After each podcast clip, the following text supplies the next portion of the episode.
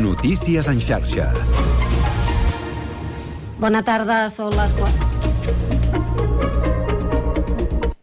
Perdó, bona tarda, són les 4, us parla Mercè Roura. Comencem fent un cop d'ull a les carreteres amb el Servei Català de Trànsit. Eduard Sánchez, bona tarda. Hola, bona tarda. De moment recordem els talls que es mantenen encara per tasques de neteja de la via després de les manifestacions d'aquests dies, tant a l'autopista AP7 entre Borrassà i Vilademuls com la Nacional 2 entre Bàscara i Vilamalla. Sobretot moltes aturades encara al tram de l'AP7 entre Figueres i Borrassà en sentit sud, punt on encara es desvia el trànsit, i també a la Nacional 2 trànsit molt ple de Figueres Vilamalla en sentit sud i a Vilademuls en sentit nord. Pel que fa a la demarcació de Lleida, aquí recordem es manté encara el trànsit tallat aquí sí encara per manifestació a l'A2 a Tàrrega, a l'A22 i a la Nacional 240 també a l'altura del Macelles. I ja pel que fa al volum de trànsit, hem de destacar a aquesta hora alguns punts amb incidència. Per exemple, la C31 a l'Hospitalet, on hi ha aturades d'entrada a Barcelona per un accident i també per obres a Gavà hi ha aturades en aquesta via, però en sentit contrari, en sentit Sitges. D'altra banda, a l'autopista P7 queda un tram de latitud, aturades a Castellet i la Gornal, d'uns 4-5 quilòmetres en sentit nord per la retirada d'un camió accidentat. És tot, bona tarda. Doncs continuem atents a l'estat de les carreteres. Crònica política. La CUP ha anunciat avui que no donarà suport als pressupostos i que presentarà una esmena a la totalitat i els comuns han presentat una nova llei al Parlament per garantir que si el Hard Rock arriba a ser una realitat tingui uns impostos del 55% i no del 10%. Escoltem el diputat Joan Carles Gallego dels comuns. Ja li hem dit al govern que fins a l'últim dia nosaltres estem mm, sentats a la taula de negociació amb propostes i contrapropostes, negociant amb voluntat d'arribar a un acord, però és el govern qui s'ha de moure. Nosaltres aquí estem eh, situant quins són les nostres eh, prioritats, els nostres objectius. El govern ens ha de respondre. El govern el que no pot fer és mirar cap a una altra banda.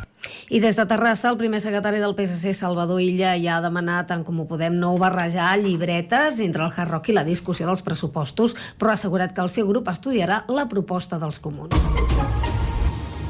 I acabem comentant-vos que Catalunya és molt o bastant europeista i un 72% dels seus ciutadans veu positiu formar part de la Unió. Tot i això, el 69% no sap quan seran les properes eleccions europees. Aquests són alguns dels resultats de la primera enquesta feta per l'Oficina del Parlament Europeu a Barcelona i el CEO sobre les eleccions del dia 9 de juny, que apunta que dos de cada tres joves són euroescèptics. És tot de moment, tornem a més notícies en xarxa. Fins ara. Notícies en xarxa.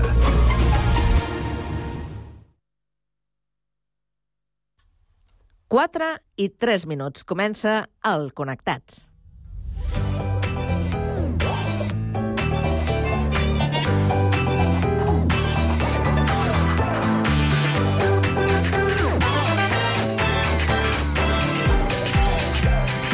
Connectats amb Carme Reversa.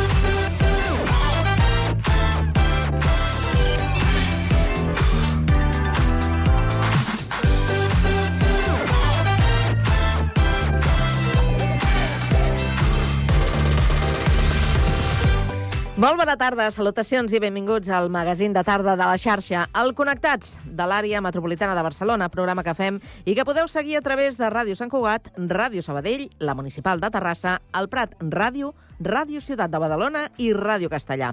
Una salutació de tot l'equip conduït a la part tècnica per Pablo Palenzuela, Sami Fernández a la producció i de qui us parla, Carme Reverte. Avui és divendres 1 de març i volem saber quin temps ens espera aquesta tarda. Lluís Mi Pérez. Un temps molt tranquil, el que tenim a hores d'ara, per tant ha començat el mes de març amb força sol per bé que aquesta nit passada ha estat plovent. Hem de dir que a hores d'ara el cel està, ja diem, força destapat, només tenim alguns núvols poc importants al Pirineu lleidatà i també algun núvol dispers per la Catalunya central. Al llarg d'aquesta tarda continuarà aquest cel més aviat destapat, quatre núvols prims i els núvols més gruixuts a la banda nord lleidatana, on de fet s'hi espera algun ruixadet de neu cap als 1.400 metres. El vent de tramuntana i de mestral aquesta tarda aniran a menys i la temperatura molt agradable. La veritat és que el sol ajudarà a que l'ambient sigui molt confortable. Cap de setmana ja de canvis. Demà al matí, pluges a Lleida durant el vespre i la nit de demà a diumenge a la resta del país i compta la matinada de diumenge amb la cota de neu perquè caurà fins i tot per sota dels 700 metres. Ara bé, el diumenge anirà fent neteja a mesura que passi les hores. Us seguirem a la xarxa. Bé, doncs avui al Connectats avançarem els detalls de la primera caminada solidària per equips i de relleus del Vallès Occidental. Conversarem amb Rafael Masgrau i Ricard Zegri, membres de la comissió organitzadora i vocals del SEM Cerdanyola. Acabarem aquesta primera hora amb una estrena, la tertúlia de joves, avui dedicada al feminisme. A partir de les 5 coneixerem la terrassenca Núria Jauen, músic i professora de piano i clavicèmbal. Sabrem qui ha fet bullir les xarxes aquesta setmana amb Sami Fernández. Repassarem les estrenes de cinema amb Jordi Guillem i marxarem de cap de setmana amb l'agenda del Connectats. Tot això i més, des d'ara i fins a les 6 de la tarda, a la vostra emissora local. Connectats? Comencem.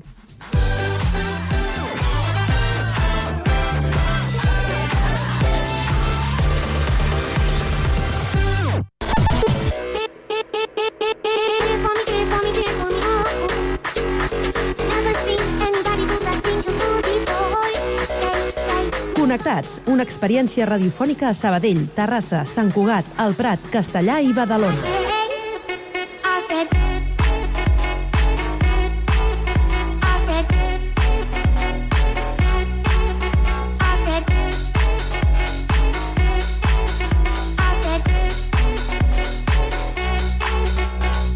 Connectats amb Carme Reverte.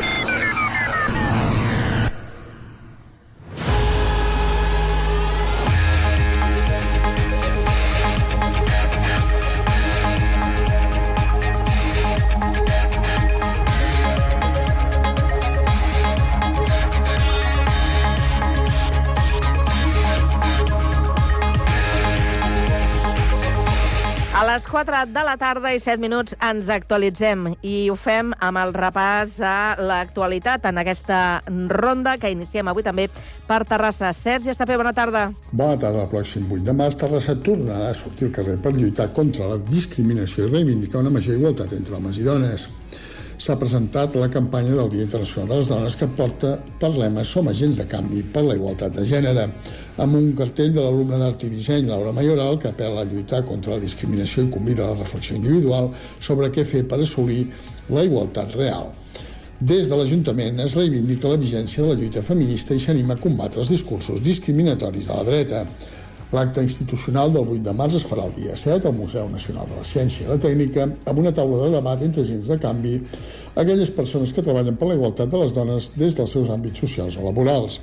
El dia 9, els castellers de Terrassa acolliran durant tot el dia la quarta jornada solidària en benefici de les dones que han patit violència masclista. A més de les manifestacions convocades pel mateix dia 8, durant tot el mes de març es faran més de 40 activitats relacionades amb el feminisme entre xerrades, tallers, teatre, dansa, lectures o exposicions.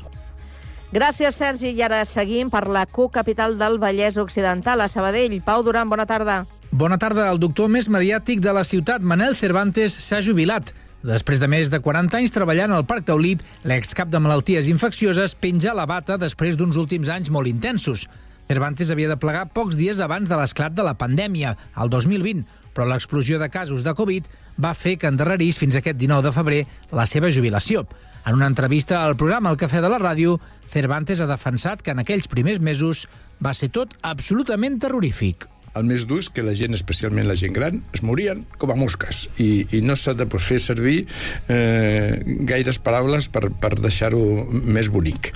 Ara, contràriament al que ell mateix es pensava abans de jubilar-se, Cervantes no es desvincularà del tot del taulí, on intentarà col·laborar d'alguna manera, ja sigui fent xerrades o ajudant.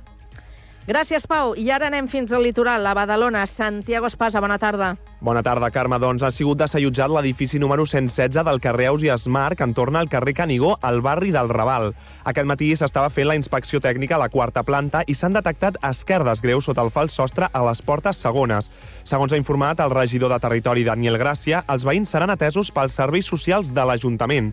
Recordem que alguns dels habitatges del bloc número 3 del carrer Canigó es van apuntalar ahir dijous, després d'haver estat inspeccionats per l'empresa especialitzada contractada per l'Ajuntament. Per altra banda, banda, ahir van ser desallotjats 29 veïns més del carrer Pirineus número 9 de Santa Coloma per risc d'esfondrament.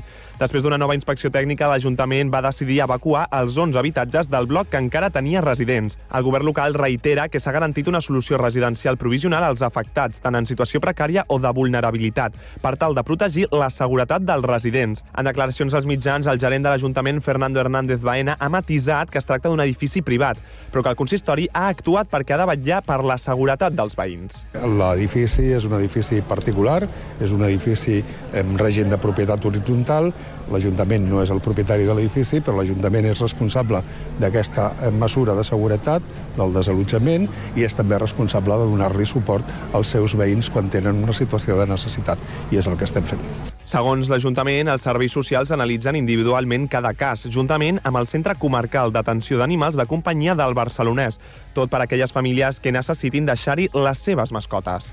Gràcies, Santiago, i seguim ara des del Prat de Llobregat. Víctor Asensio, bona tarda. Bona tarda. La ministra de Joventut i Infància, Cira Rego, ha visitat el Prat per conèixer de primera mà quines són les polítiques locals i els projectes que es duen a terme al municipi vinculats a aquesta àrea. A la trobada ha destacat la feina que es fa des del municipalisme i la importància de posar el jovent i els infants al centre de la política. Sabemos que la institución más, cercana, la, más cercana a la ciudadanía es precisamente los ayuntamientos, los municipios, en los que se concretan muchas de las medidas de políticas de juventud e infancia. Aquí tenemos algunas de las experiencias que se están desarrollando, nos interesan particularmente, y poner en valor que el país también se construye desde el municipalismo. A la trobada ja està present l'alcalde del Prat, Lluís Mijoler, així com el tinent d'alcalde de l'àrea d'acció institucional i projectes urbans, Juan Pedro Pérez Castro, la tinenta d'alcaldia de l'àrea d'educació, cultura i comunitat, Anna Martín, i la d'esports i joventut, Débora García. Gràcies, Víctor. Tornem novament al Vallès. Ens quedem a Castellà. Jaume Clapés, bona tarda. Bona tarda. A Castellà, la policia local durà a terme, a partir de l'11 de març, una campanya de control i prevenció d'infraccions relacionades amb la tinença d'animals amb l'objectiu de fer complir la normativa de la nova llei de benestar animal vigent que es portin lligats als animals, que se'n recullin les defecacions, que estiguin inscrits al cens municipal i que tinguin el xip i la placa identificativa seran les qüestions principals en què incidiran els agents, que patrullaran tant vestits amb uniforme com no uniformats. Algunes d'aquestes infraccions, si es detecten, comportaran la tramitació immediata de la denúncia corresponent i d'altres més lleus s'aixecarà acte en què es farà constar que l'infractor disposa d'un termini de 72 hores per corregir la situació. Quan els gossos potencialment perillosos se'n demanarà la llicència municipal i el compliment dels requisits legals. Per les característiques especials d'aquests gossos, qualsevol incompliment de la normativa en aquest sentit implicarà la tramitació de denúncia i, si escau, el comís preventiu de l'animal. Els agents prioritzaran determinades franges horàries i punts especialment conflictius, com ara places públiques i zones infantils, tant del nucli urbà com de les urbanitzacions. Gràcies, Jaume. I abans de marxar, un repàs a l'actualitat de Sant Cugat amb Sami Fernández. Bona tarda, Sami. Bona tarda. El tradicional aplec al voltant de l'ermita de Sant Medir tornarà a ser l'acte central de la celebració de la festivitat del copatró de Sant Cugat aquest diumenge 3 de març. Com és tradició, els actes de la Diada de Sant Medir començaran el 3 de març, a les 8, a les 8 del matí, amb la sortida des del centre de la ciutat cap a l'esplanada de l'Ermita, dels geganters de Sant Cugat, en Joan i la Marieta. L'alcalde, Josep Maria Vallès, rebrà els banderers i la seva comitiva a la plaça de la Vila a les 9 i mitja, davant de l'Ajuntament, abans d'enfilar el camí cap a Sant Medir. Com a novetat, es, es ballarà la sardana de camí a l'ermita al, al seu pas pel Pi d'en Xandrí i es recuperarà la tradició de la trobada d'acordionistes a Can Borrell a la tarda, de tornada a Sant Cugat. Enguany, l'entitat sardanista de Sant Cugat serà la banderera de la Diada de Sant Medir, coincident amb el fet que la ciutat està celebrant aquest darrer any la capitalitat de la sardana. Escoltem un dels membres de la penya Regalesia, Biel Moreras. La sardana és molt nostra. Té la virtut d'agrupar, de, de reunir.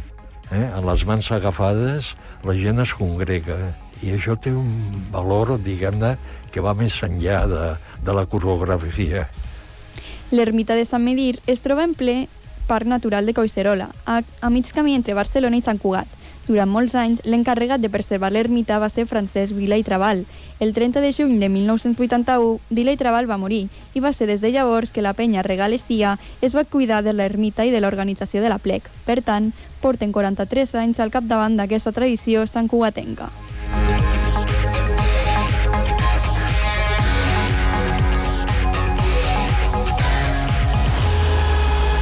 A la tarda, no et desconnectis. A la teva ràdio local, connectats. Can't touch this. You can't touch this.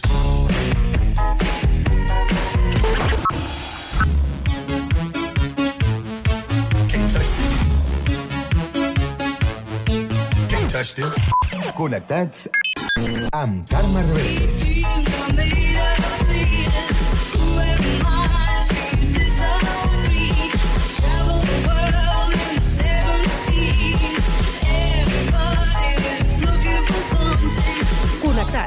Una experiència radiofònica a Sabadell, Terrassa, Sant Cugat, El Prat, Castellà i Badalona.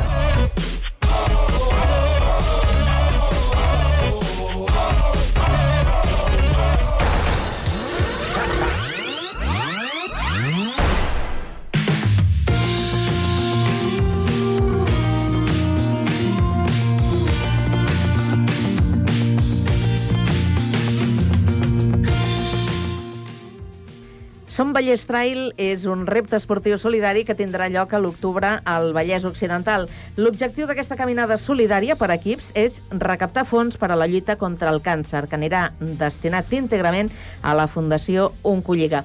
En parlem al Connectats i ho fem avui en companyia del Ricard Zegri. Molt bona tarda, Ricard. Bona tarda. I el Rafael Masgrau. Ell, bona tarda. Bona tarda. Rafael.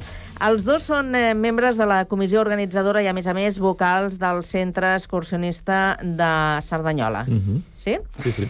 Bé, doncs eh, comencem a abordar eh, aquest repte, que m'imagino que per vosaltres, com a organitzadors, també també és això, no?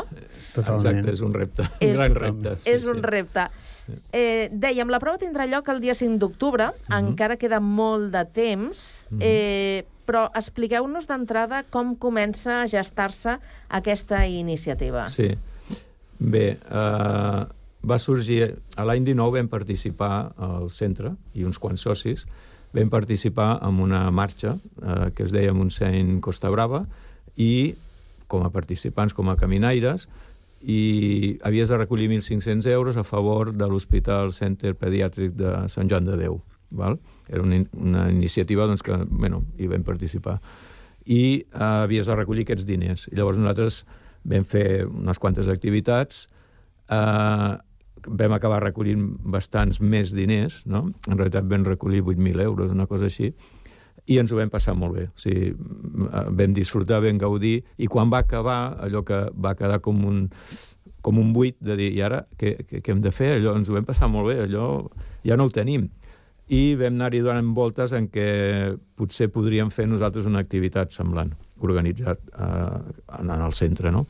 I alhora, doncs, el SEM, el Club d'Esports de Muntanya de Cerdanyola, eh, com a entitat també tenia ganes de fer una, una, un esdeveniment estable en el temps solidari. Doncs bé, aquí, aquí hi som en això, no? en aquest projecte. Però tan, tan gros com això mai no havia organitzat No, és la- res, és la no? primera vegada que- La que la primera liem vegada. Per Déu, Déu manera, I des de, des de quan us heu posat? Eh, Bueno, fa un any. Un anyet, sí. A veure, Fa un any que esteu març, preparant sí, aquesta prova. Fa un any. Sí. Fa un any. Abans hi anàvem donant voltes que podíem fer, clar, perquè van sorgir diferents coses i al final vam anar a espetegar aquí, que és eh, el que creiem que, que seria possible de fer, no? Una marxa pel Vallès, a més a més que no hi és, no? Una marxa eh, circular per tot el Vallès Occidental i que fos, mm, que inclogués moltes entitats també, perquè aquí hi ha un treball de, eh, Mhm. amb les entitats, no? que fos comarcal i que fos assumit per les entitats, això no, no hi és. Mhm. I per equips, a més a més. Eh, el que abans estava comentant el, el Rafel és que, efectivament, la prova ha implicat a eh, molts municipis Mhm. de, de la comarca, una prova que recorrerà 68 quilòmetres per aquesta Exacte. comarca del Vallès eh, Occidental, i eh, recordem, serà Cerdanyola, Barberà, Ripollet, eh, Sabadell, Castellà, Matadepera, Terrassa, Sant Quirze i Mhm, Sant Cugat. correcte. Mhm. Eh, hi participa eh, im implicada molta gent, és a dir, municipis, centres excursionistes, però també el que cal ara és la implicació dels eh, participants. Sí? Ah, sí, sí, exacte. Avui, avui mateix, d'aquí una estona, començarem amb el tema de les inscripcions, que ja estan obertes des d'aquest matí, com aquell que diu, i aquesta tarda fem, ara d'aquí una estona, fem la presentació a Cerdanyola, amb l'Ajuntament, amb els veïns de Cerdanyola, crec que ve un actor també, si no m'equivoco, l'Octavi Pujades, que ens ve a fer una mica Ah. de, Mhm. de, bueno, de, ajudar-nos un pèl a fer la, la, la difusió, no?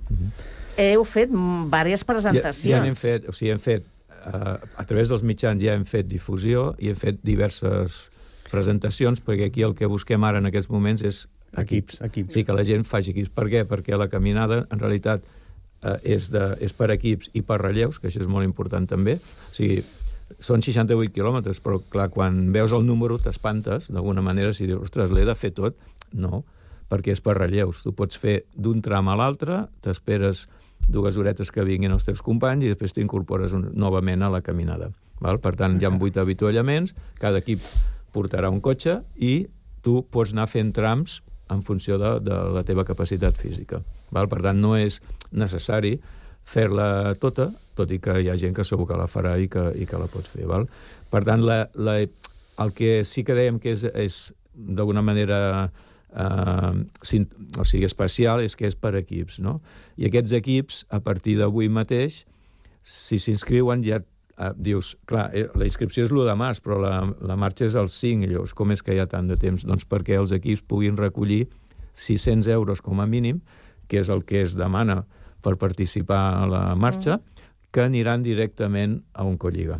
Val? Per tant, els equips a partir d'avui ja podran començar a pensar activitats, doncs, activitats, maneres de recollir aquests diners i, i esperem que superin aquests 600 euros, perquè quan més, millor, perquè al final l'objectiu bàsic és eh, lluitar contra el càncer i fer que l'entitat Oncolliga pugui donar millor servei a les famílies i a les persones afectades per aquesta malaltia, que és el que busquem al final. De, de quants participants ha de ser cada equip? Sis, uh, sis participants per Sis? equip i si pot ser amb un xòfer inclòs. El xòfer més que res perquè pugui anar d'avituallament a avituallament portant els tres que descansen, um, portant l'impermeable si fa falta... I llavors... Tot, tot i que no és obligatori, No, no, no és perquè obligatori, sí eh? se poden organitzar de manera que ells poden fer de xòfers, eh, també. I la participació la teníeu limitada en el nombre d'equips o no? No, de moment encara no. Esperem, a nosaltres ens agradaria arribar a les 500 persones, o sigui, estem parlant de 80 equips.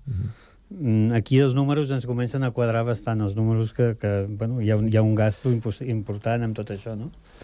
Llavors, dels 80 equips, comencem a... ens quedem amb algun número vermell, però no massa. Bueno, 80 és el que aspirem i, i no hi ha límit. Tant de bo No, no, tant, poguéssim... a o tinguéssim la necessitat d'establir un límit de- d'equips. Però de moment no, que s'apuntin tots els equips que vulguin i és el que busquem Sí, sí, ara, sí. doncs que la gent se faci... Home, de fet, eh, eh, avui en aquesta conversa que estem mantenint al, al Connectats, eh, teniu una, una audiència amplificada més enllà del, del Vallès, perquè a banda de la participació de, de Sant Cugat, Mhm. de, de Sabadell, de Terrassa, de Matadepera, de, de Sant Quirze, eh, teniu un parell de municipis més que formen part d'aquest programa, com Badalona i el Prat, que Mhm. si hi hagués gent que volgués Home, i tant, participar... I tant, i tant. Poden vindre d'on vulguin. Vull d'on dir- vulguin.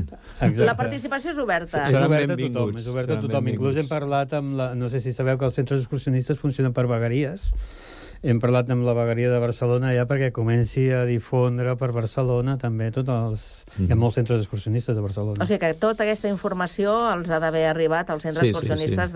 Té que arribar a tots els d'aquesta llocs. part de, sí, i a del través territori. d'Oncolliga, doncs també Bueno, Colliga fan està la seva movent tot difusió. Això, eh? Vull dir, perquè ells estan fent molta difusió també. Amb el, els inter... Són els, inter... els primers interessats també. Uh -huh. Mhm. eh, parlem d'algunes qüestions bàsiques que cal tenir en compte eh, quan pensem en el re reglament Mhm. i que puguem destacar així a grans trets eh, ara. Com... Eh, co- coses del reglament. Bueno, doncs això, que han de ser sis, sis persones, que tres sempre han d'estar caminant, això és important. Sí? Tres de l'equip sempre han d'estar caminant. Tres, mínim. Poden ser quatre o poden ser els sis, però clar, no, no pot, l'equip no pot deixar de caminar d'alguna manera. Val? Llavors això és important. Sempre ha d'haver-hi algú en marxa, aquest tres mínim en marxa. Val? Uh, Important també, Mm. no, no ho hem comentat, però important també que hi ha un dinar i un sopar. Ho dic perquè, vull dir, clar, arribarem al migdia... Però això, això vol dir que no, la cursa no s'aturarà. No, no, Vull no, dir, no, no, serà no, no, durant no. la cursa, mentre s'estigui fent. Clar, clar, clar, però si fas relleus vol dir que a lo millor a Castellà serà el dinar, que vol dir doncs, que tres dels que caminaven en aquell, aquell moment pararan per dinar, però els altres tres que ja hauran dinat continuaran la, la marxa, una cosa així. Eh? Vull dir que nosaltres oferim aquesta possibilitat d'haver-hi dinar i sopar, el sopar és al final. Per quan no hi ha arribi problema. hi ha la botifarra assegurada. Sí. La sortida i l'arribada és a Cerdanyola. a Cerdanyola? Sí, sí, sí. sí, O sigui, abans comentaves que era circular. És circular, és circular. Comença a Cerdanyola al Parc Xarau i acaba a Cerdanyola al Parc Xarau, sí, sí.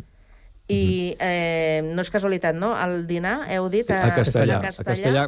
I el sopar a, A Cerdanyola. Cerdanyola, sí. El dinar buscàvem que fos la meitat, tot i que no ho és, perquè és el quilòmetre 30, però bé, era, era... Castellà ofereix un espai molt bonic, que és l'espai Torrà, que és un espai Sí. molt gran, i això ens dona moltes possibilitats. Val? Què passa? Que si un equip camina en el 6 i han de dinar allà, doncs s'aturen i dinen, vull dir, no passa res. Vull És dir, no, no, no és té que... que pensar que no hi ha competició de Sí. cap tipus. Vull dir, Sí, cada sí, un va al ritme... És una caminada. És una caminada, no- no hi ha competició, I, no- i no a és vegades pot ser molt familiar, també. Vull dir que no... no... El que sí que hi haurà també són punts de control i d'avituallament. A cada avituallament hi haurà, eh, serà un punt de control, vull dir, és, un, Mhm. és el que comentava Sí. el Rafael, és on hi haurà la, el cotxe esperant per emportar-se'n els tres i deixar-ne tres. I allà nosaltres també controlarem la gent que està arribant, vull dir, que no podem perdre ningú pel camí, tampoc.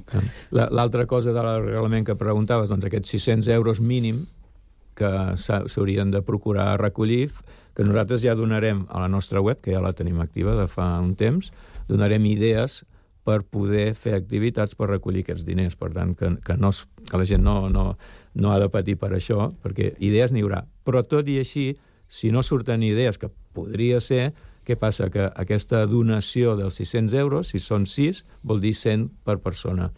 Si tu fas aquesta donació de 100 euros, eh, això la propera renta de l'any següent et desgrava el 80%. En realitat hauràs pagat 20. Per tant, bueno, al final dius, tampoc no és tant, val? A, a un Corliga els hi arriba aquests diners, els 100, però tu n'hauràs pagat 20. Que dius, bueno, tant de bo es poguessin fer activitats i recollir I el, el tema, màxim. el tema aquest econòmic i el tema aquest d'Hisenda també és, per nosaltres també és molt important a nivell de que participin empreses o de que les empreses eh, subvencionin, Mm. perquè també tenen desgravacions. L'empresa com a tal té, eh, té una desgravació. Mm-hmm. Eh, deien, les inscripcions eh, comencen avui, però estan obertes fins al 2 d'octubre. Exacte, sí, sí. O sigui que hi ha temps de- Hi ha, hi ha temps de sobre. Hi ha temps de sobre.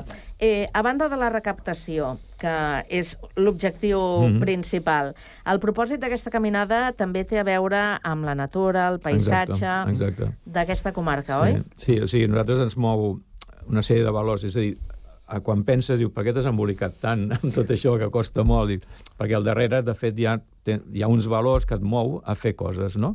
Un d'ells és la solidaritat, que ja, ja n'hem parlat, no? De ganes de poder fer alguna cosa per millorar pues, les on- persones, allà la, la vida de les persones. No? I, una, sí, sí. I una mica també és on Colliga supleix una mica el que a vegades l'administració Sí. no arriba. Però, clar, també l'altre valor és el que teníem... Perquè, clar, quan ens plantejàvem per Vallès Occidental, clar, tens la imatge de que, ostres, però si hi ha molt, molt asfalt, molt totxo, molt, molt ciment, però en realitat en, encara ens queda espai verd, no? Llavors el que volíem és posar en valor aquest espai verd natural que encara ens queda en el Vallès Occidental. I la marxa, de fet, passa el 90% per corriols i per pista, bàsicament, perquè passa per llocs doncs, que, bueno, que volem donar aquesta, volem que tingui aquesta visibilitat no? I, aquest, i, aquest, i aquest valor per la, per, per, per la gent del Vallès, no? Mhm. D'alguna manera. I per eh, llocs eh, eh, que en aquest programa mm, sentim de tant en tant, no?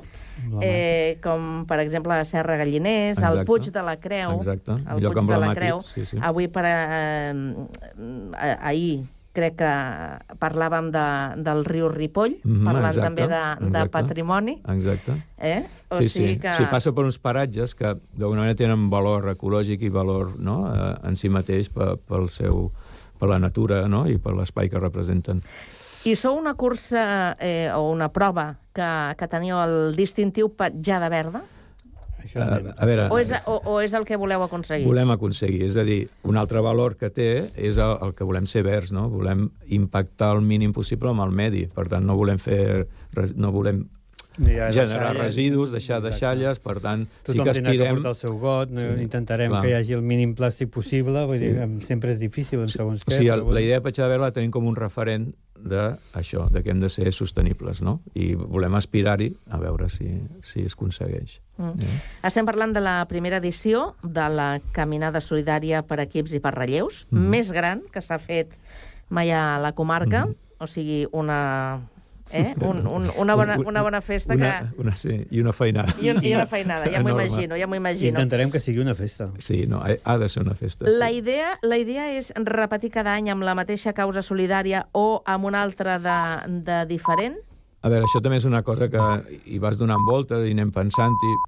Podria ser diferent? Sí, però si va bé de moment, doncs pot ser un colligau doncs, un parell d'anys més o tres, no ho sé, no ho sabem, no ens ho O hem plantejat. compartir-ho, també. Vull dir, si Sí. arribéssim O a dos o unes tres. xifres importants, compartir-ho amb altres Sí. associacions, amb, però bueno. El que tenim clar és que volem fer més edicions, això ho tenim clar.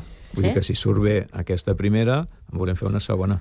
Sí, Sí, sí. l'important que surti bé aquesta primera possiblement també aniria bé perquè la segona eh, tinguem més ajudes a nivell empreses, a nivell... Vull dir, clar, la gent està, està una mica a l'expectativa de a veure aquesta gent què farà, no?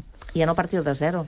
Amb la segona ja teniu un camí fet, Exacte, no? per això és molt serà important. més fàcil perquè ja n'has après, ja tens una cosa a mostrar, que és que ja has fet una edició, això és més fàcil per les empreses o per la gent o pels possibles sponsors que puguem tenir, que encara estem en- amb això, però ens costa trobar-los, però bueno, ja anem treballant a, a, en això. Molt important, abans que no se'ns oblidi, com es poden inscriure els equips per participar? Sí. Ja ho hem dit, eh? Avui, a partir d'avui, ja ho podeu fer. Sí, sí. A la pàgina web... eh, Quina pàgina web? Uh, Vinga. Do, do, uh, B baixa, doble B baixa, doble B baixa, doble B baixa, somballestrall.cat. Exacte. Somballestrail.cat. Somballestrall.cat. És més fàcil. És més fàcil. A partir d'aquí hi haurà les inscripcions, hi ha el primer, la inscripció personal de cada, que seran per equips, cada persona seran 45 euros, 40 euros, 40, 40 euros, sí. que és la bossa del corredor i és el que et dona el La dinar, samarreta, les no? Samarretes, samarreta. tot el... Molt bé. Sí, sí.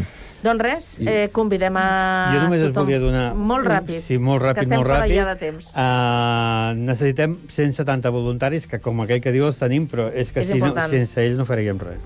Mm -hmm. Importantíssim. Bé, doncs ja saben a on poden contactar amb vosaltres. Eh, queda temps, o sigui Mhm. que de moment Sí, sí. tranquil·litat, però anar, anar fent Anar camí fent, anar fent. fins que arribi el dia de- d'aquesta caminada solidària. Al Ricard i al Rafael els hi agraïm moltíssim que avui hagin vingut al Connectats a explicar-nos aquesta No, iniciativa. gràcies a vosaltres per convidar-nos, i tant. Gràcies als dos, bona tarda. Bona tarda.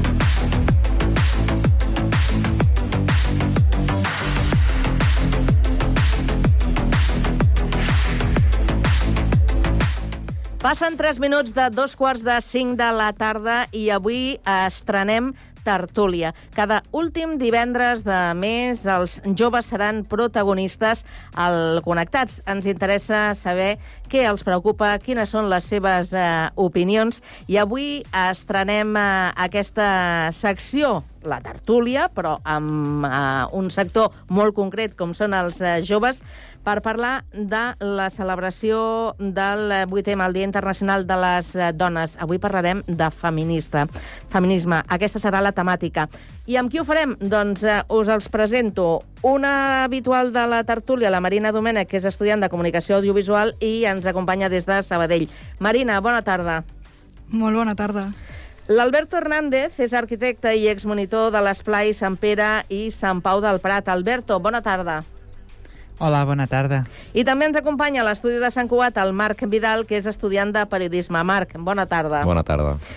Eh, M'imagino que, eh, que se us doni la possibilitat de poder expressar-vos en temes que a vosaltres també us, eh, us implica eh, no és massa, massa habitual. Us falten espais per poder-vos expressar o no? Jo crec que sí. Que, o sigui, de fet, quan, quan la meva companya em va presentar a, a aquesta tertúlia, jo vaig dir, ostres, és que crec que no, no havia sentit mai cap ràdio que donés aquesta oportunitat a, a joves a parlar sobre, sobre temes així més diversos.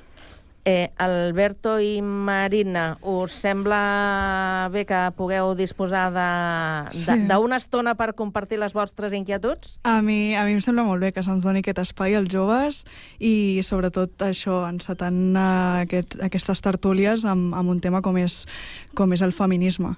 Mm. A mi m'agrada, perquè sovint a les tertúlies som els únics joves i estem amb gent molt més gran que nosaltres sí. i potser és un moment on compartir entre nosaltres aquests debats. Efectivament. Habitualment les tertúlies són eh, intergeneracionals, vull dir que no hi ha un criteri de- d'edat establert, però a la que farem cada últim divendres de mes, sí. Volem gent jove per eh, saber què és el que pensen, què n'opinen i què els eh, preocupa. Avui parlem de feminisme i abans de començar m'agradaria que vosaltres mateixos eh, m'expliquéssiu què és el que enteneu per, eh, per feminisme, perquè, clar, aquí podríem fer dissertacions i, i hi ha moltes branques. No sé que, quina és la que vosaltres eh, us eh, enteneu més bé com a feminisme.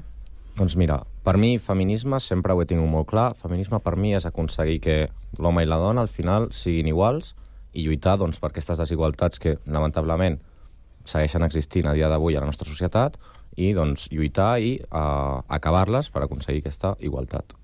Mm? Més definicions, Marina.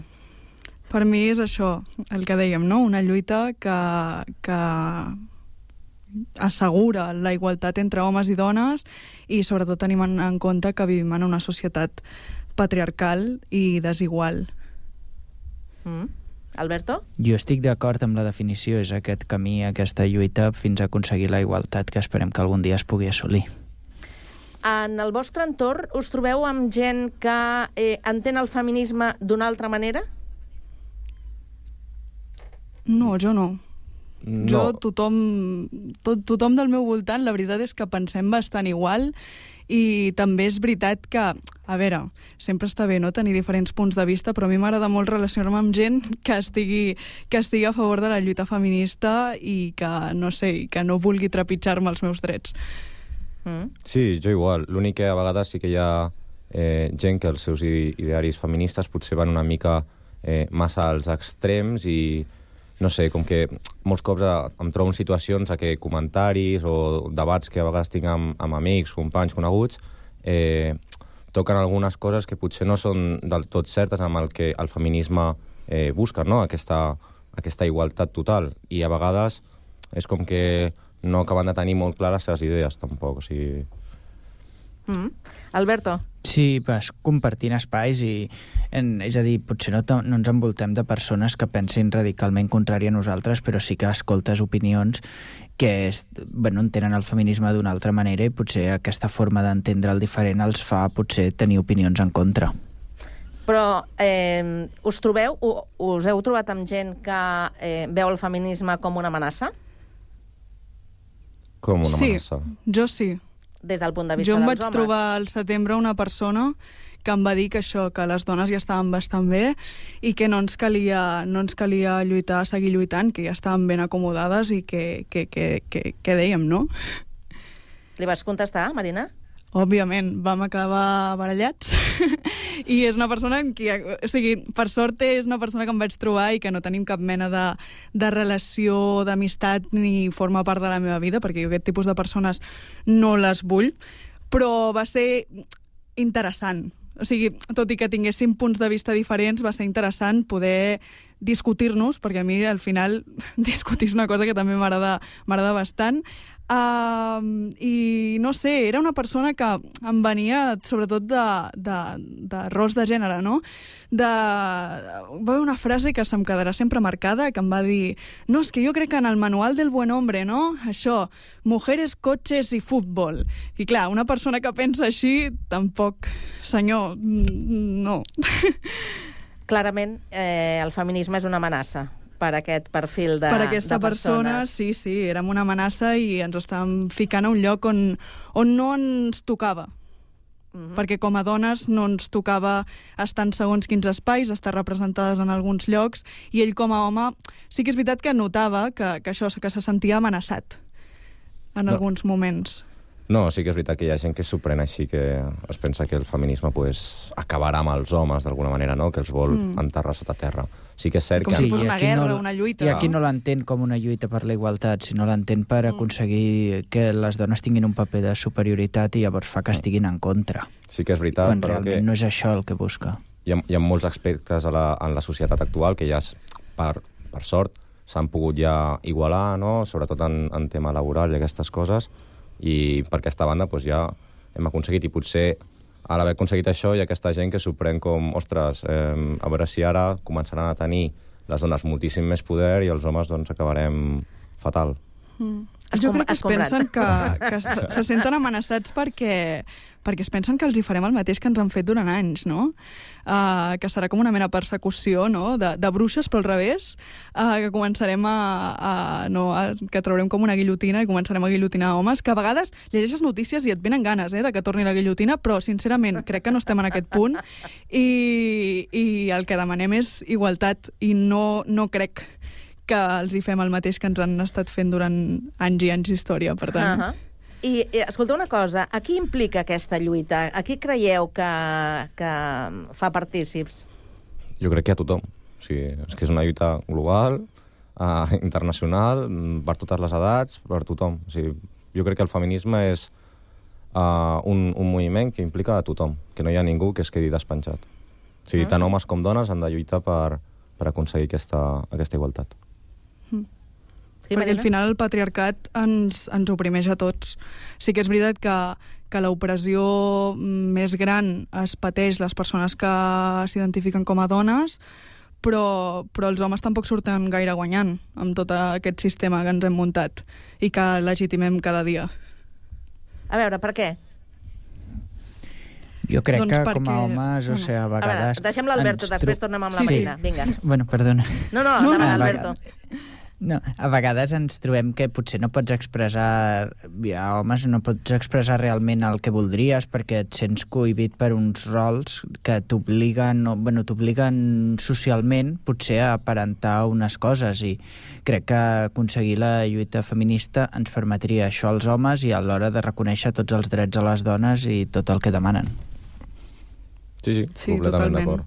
Mm. Sí, sí. Per... Al final és qüestió de gènere i de com socialitzem davant d'un sistema binari uh, d'una assignació de, de tu ets home, tu ets dona, depenent en primer moment de com neixes, de quin cos neixes, no? Després uh, ja venen altres coses, però al final és l'assignació de rols, que és també una cosa que la lluita feminista vol abolir, els rols de gènere i com percibim el gènere dins d'aquest sistema no? patriarcal binari i el que significa ser home i dona. Un home, doncs això, el que dèiem, eh, potser no es pot expressar, eh, no pot ser dèbil, eh, les cures sempre recauen en la dona i més estereotips que seguim perpetuant, seguim perpetuant a dia d'avui. Uh -huh. eh, de quina manera eh, lluiteu perquè això no sigui així en el vostre dia a dia? Quins són els gestos, eh, la, les coses que, que feu? Petites coses que poden semblar insignificants, però que de fet ho són.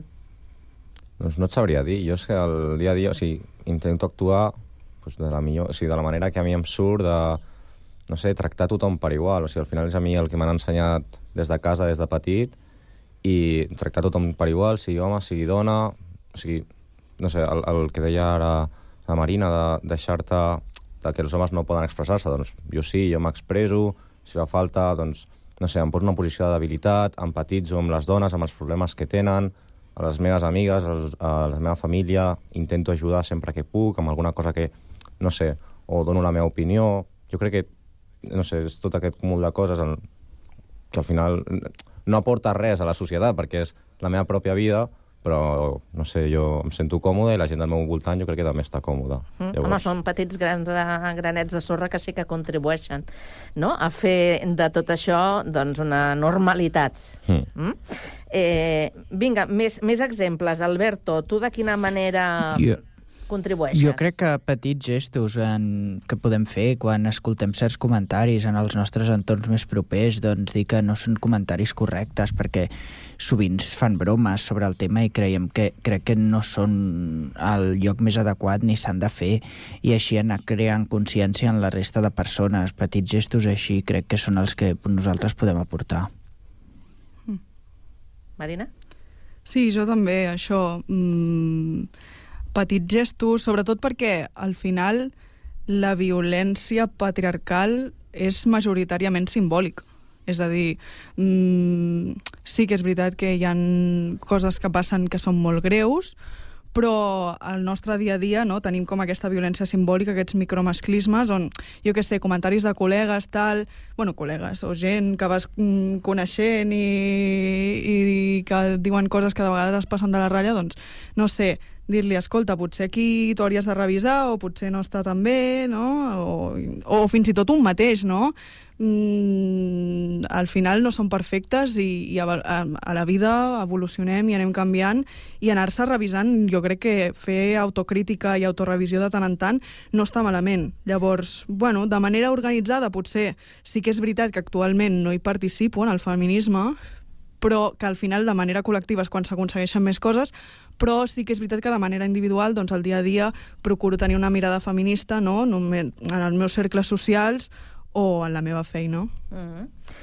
Eh, interveniu d'alguna manera quan eh, us trobeu en una situació en què veieu que eh, s'està doncs, eh, eh, humiliant a, a la dona o s'està pressuposant que, que hi ha d'haver aquesta diferència? És a dir, quan es reprodueixen aquests eh, patrons en, en situacions quotidianes, eh, interveniu de manera que, que l'altre interlocutor se n'adoni que bueno, que potser eh, s'està equivocant o, o té una manera de veure que, que no s'ajusta massa a la, a la realitat? Sí, no, és, és el que ha dit la Marina ara, que en el moment en què, un, que algú amb el que estàs parlant fa un comentari o fa alguna cosa, algun gest, alguna, té alguna actitud que no pertoca, que no és correcta, dir-li que, que posi fre, que s'aturi i que reflexioni que això no és així, o sigui, si fa falta, se li explica perquè això no és així, se li, se li tira en cara que, que, no, que no, és, no és cert el que està dient i que no està bé i que no, que no és correcte. Uh -huh. Sí, Alberto? pots aprofitar així petits moments, intentar fer-ho sempre amb la màxima assertivitat perquè el més important és que no torni a repetir-se, o sigui, aconseguir l'èxit de la teva acció més que aconseguir que potser s'ho prengui malament. És, prefereixo invertir en que no torni a passar. Mm. Eh, una última enquesta al voltant de, d'un dels temes que, que avui tractem eh, ens deixava algunes xifres una mica preocupants, eh? Una mica o bastant preocupants. Com expliqueu que el 54% dels homes d'entre 16 i 24 anys consideren que el moviment feminista ha anat massa lluny? Mira, Sou joves, eh? I sí. estem parlant d'una un, franja d'edat que... Crec que aquesta, o els resultats d'aquesta enquesta, el que ha, respon, el que ha respost la, la gent jove no va tan centrat en el que passa a la societat, sinó en el que diuen i fan els polítics. Al final, ens agradi o no, eh, els, la, gent, la gent que mana són, i el, els, els que surten per tot arreu dient les seves opinions i totes les mesures i tot això, són els que, vulguem o no, acaben dirigint una miqueta el... El cotarro. Exacte. Sí. Llavors, si aquesta gent de, de dalt no fa les coses que pertoca fer o... Perquè hi hi ha vegades, és el que hem dit, que hi- tot i que hi ha gent, hi ha homes que, no, que veuen que el feminisme el, els, els enfonsarà, diguéssim, també hi ha dones que crec que es pensen que el feminisme es tracta d'enfonsar una miqueta l'home. O sigui, per aconseguir aquesta igualtat volen enfonsar l'home, i no és així.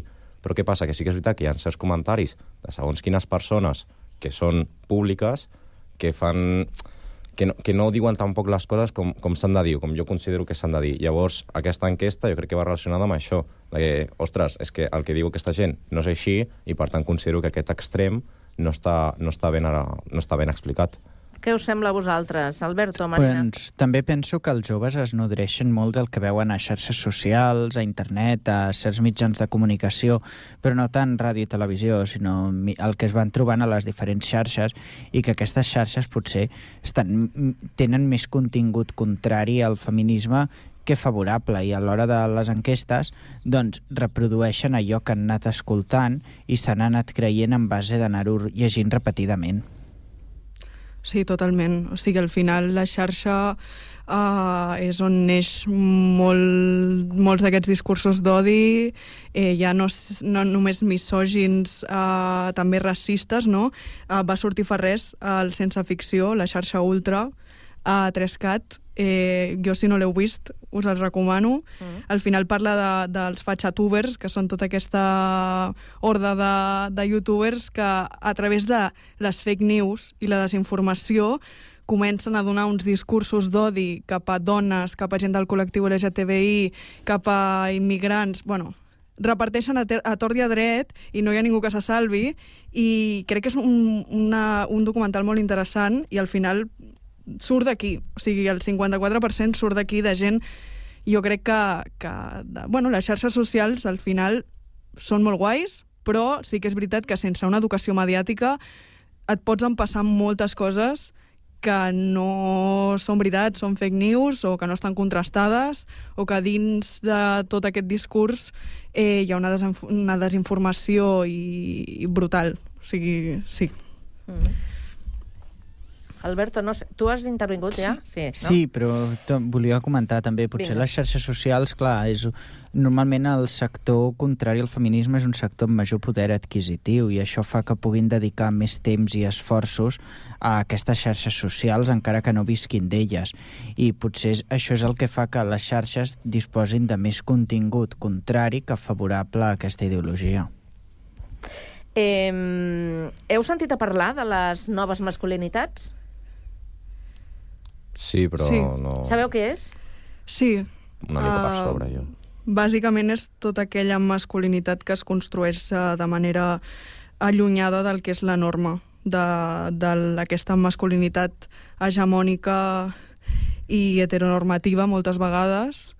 I no sé, a mi és un terme que em fa certa, certa gràcia, no?, que estiguem en aquest... Bueno, fa bastant que es parla de, de noves masculinitats, al final està bé, no? Però, però també em, fa, em recorda un terme que ha sortit fa res a les xarxes, que és el concepte de home o hombre que resuelve, que al final és un home decent, funcional, que no és un unga-unga, un senyoro i un primitiu, i no sé, em fa gràcia que se li hagi de dir a un home que fa les coses bé, en algun sentit, o que s'allunya no, d'aquesta masculinitat tòxica, se li hagi de dir d'una manera diferent.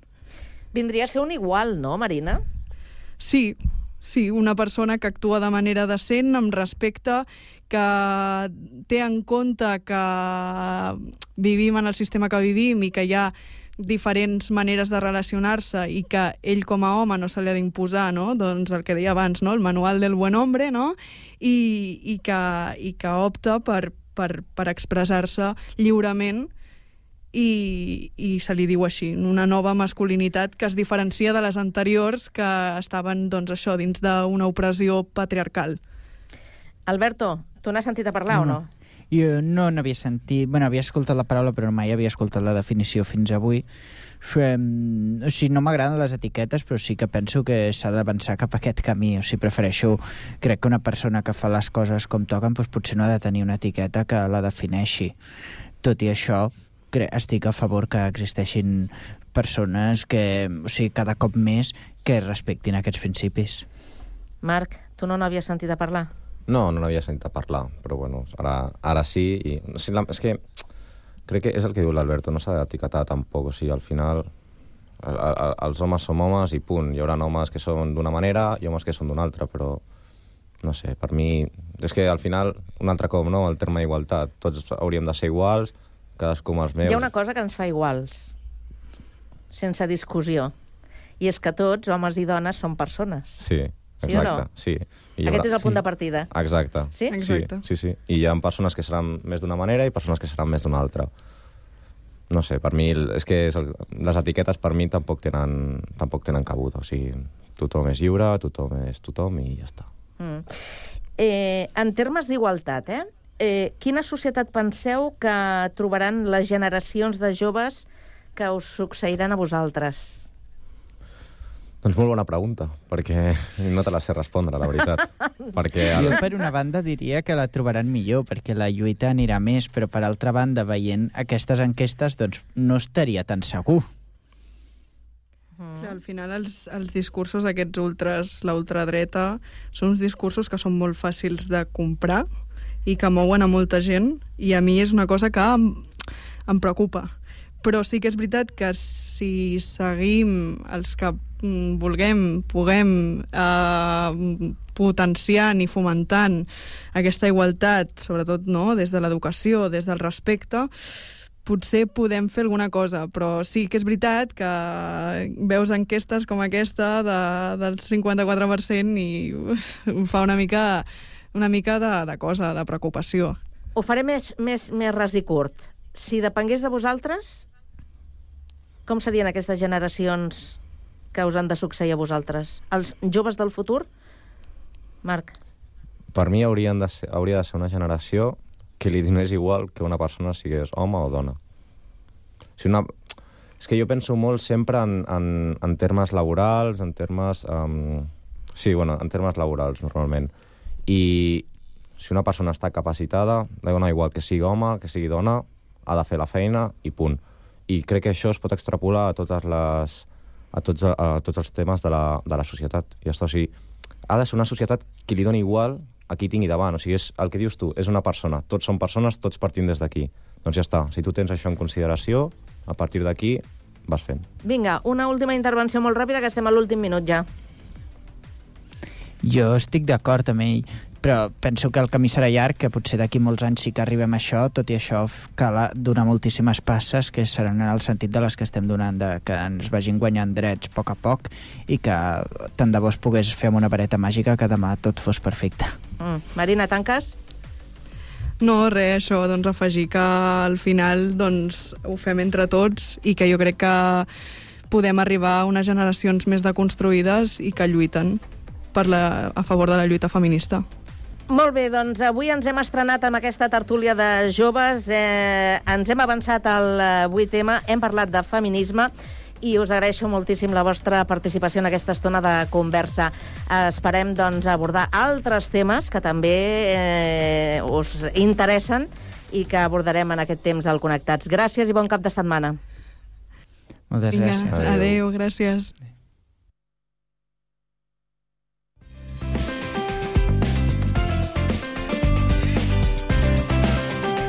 Ràdio Sant Cugat, Cugat Mèdia, 91.5 FM. La música més propera a tu a Ràdio Sant Cugat.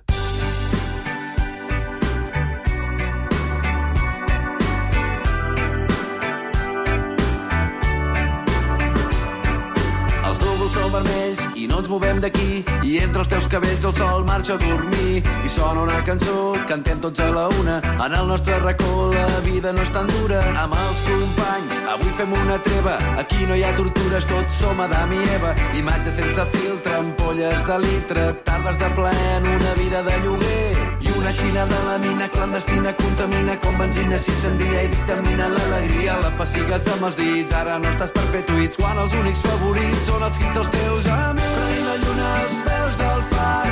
No tenim pressa, no volem marxar. L'estiu té la pell bruna explica'm en alguna quedem-nos junts a cantar-li al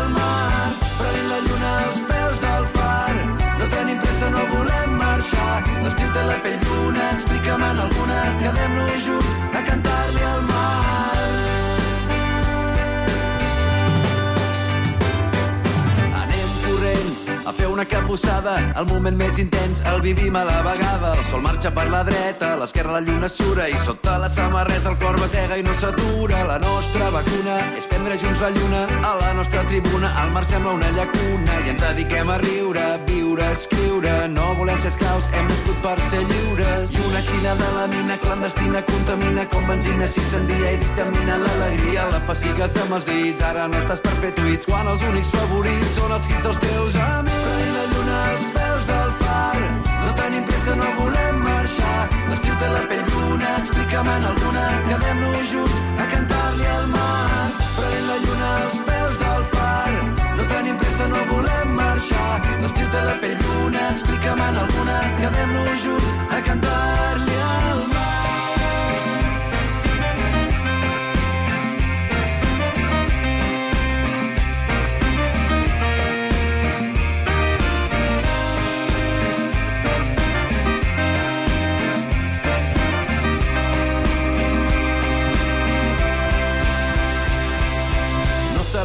Estem, però sabem que estem bé, sense fre, no hi ha res. Quan em truquis ja vindré. Estar junts no val diners i ens omple l'esperit. Tu i jo junts, sempre més al vespre o a la nit. Hi ha una colla a prop que toca la guitarra, un somni fa autostop i un vaixell amarra. Sempre al mateix lloc, però sempre de viatge. No hi ha lloc al món